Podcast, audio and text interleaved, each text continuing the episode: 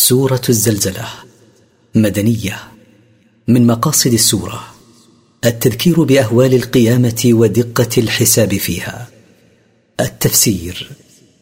إذا زلزلت الأرض زلزالها. إذا حركت الأرض التحريك الشديد الذي يحدث لها يوم القيامة. وأخرجت الأرض أثقالها. وأخرجت الأرض ما في بطنها من الموتى وغيرهم. وقال الإنسان ما لها؟ وقال الإنسان متحيرا ما شأن الأرض تتحرك وتضطرب.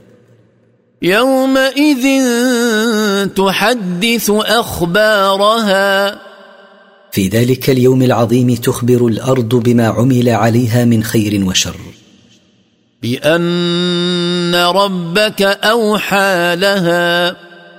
لأن الله أعلمها وأمرها بذلك.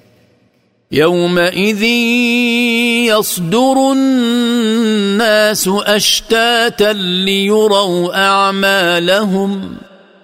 في ذلك اليوم العظيم الذي تتزلزل فيه الأرض يخرج الناس من موقف الحساب فرقا ليشاهدوا أعمالهم التي عملوها في الدنيا. فمن يعمل مثقال ذرة خيرا يره. فمن يعمل وزن نملة صغيرة من أعمال الخير والبر يره أمامه. ومن يعمل مثقال ذرة شرا يره. ومن يعمل وزنها من أعمال الشر يره كذلك.